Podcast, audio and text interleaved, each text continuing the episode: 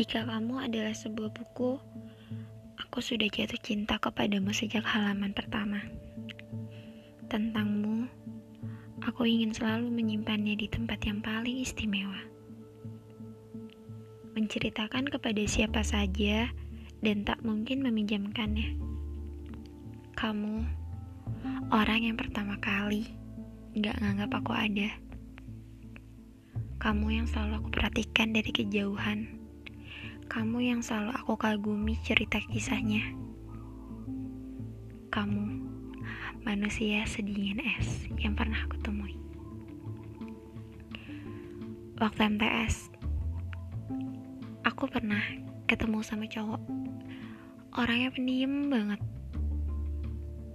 Kalau yang cowok-cowok lain itu biasanya kepo sama kehidupan aku. Buat yang kali ini, orangnya malah gak nganggep aku. Dia tahu aku ada di depannya, tapi dia seakan-akan gak lihat aku. Awalnya aku penasaran sama dia. Lama-lama, semakin aku telisik kisahnya, semakin aku kagum. Dan akhirnya aku benar-benar jatuh cinta sama dia.